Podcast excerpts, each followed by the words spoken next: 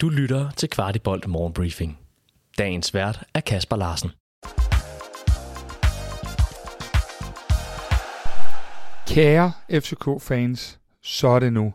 Det er den 30. august, og i aften kl. 21 løber FC København på banen til en af de vigtigste kampe i sæsonen, når Polska Rakov er sidste hurdle mod det andet Champions League-gruppespil i træk.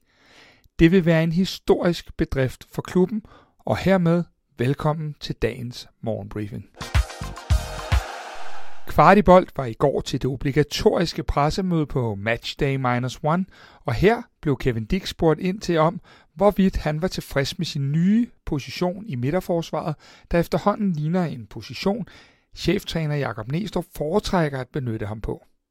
It'd be stupid if I'm not because uh, I've been playing most of the games in center back. I've played some left back, not in right back, but left back. So yeah, as, as at the moment I see the most minutes I get is a centre back. So yeah, that's the case. Vi spurgte også Kevin om, hvor stor kampen i aften er for ham personligt. How big is the game for you tomorrow?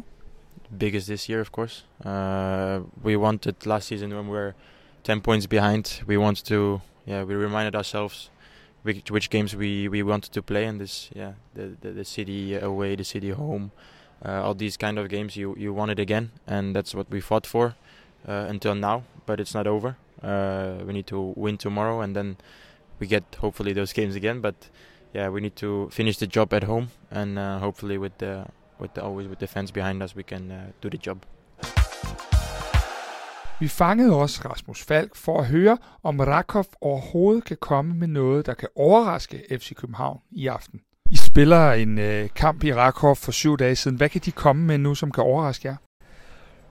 Øh, nej, men det bliver nok, de kan nok ikke komme med noget, der kan overraske os helt vildt. Øh, det samme med os, det kan vi sikkert heller ikke. Jeg håber, at vi kan sætte en bedre kamp sammen end dernede. Jeg synes, øh, vi stod godt i organisationen, og vi gav få chancer væk, men jeg synes også, at, øh, at øh, vi kunne forbedre øh, en masse ting, specielt på kuglen. Så, øh, så jeg håber, at, øh, at vi kan sende en bedre kamp øh, sammen end, øh, på mange, øh, på mange måder. Og så på mange måder, så håber jeg jo, at lidt, det kan blive noget af det samme jo. Altså i forhold til at øh, holde dem for chancer og, og, og spille en, øh, en klog kamp. Og, og vi har stået i den her situation øh, mange gange før, og, og det, øh, det håber jeg også, vi kan bruge. Til sidst spurgte vi også Rasmus, om han forbereder sig anderledes til en så afgørende kamp, end til en normal kamp i Superligaen. Selv inde på, at det er jo en meget definerende kamp, den her. Forbereder du dig selv anderledes til sådan en kamp, der er så meget make it or break it?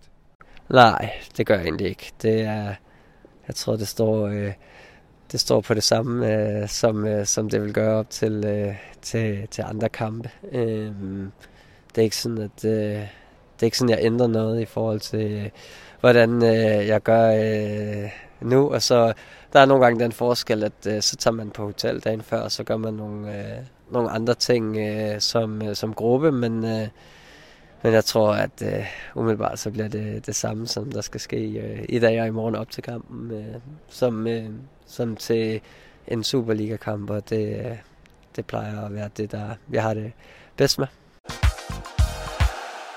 Ved redaktionens deadline var der kun et begrænset antal billetter tilbage på D-tribunen, og dermed kan FC København med stor sandsynlighed melde om udsolgt for første gang til en playoff-kamp i parken. For øvrigt er det første gang siden sæsonen 2010-11, at vi slutter på hjemmebane i en afgørende kamp om at komme i Champions League.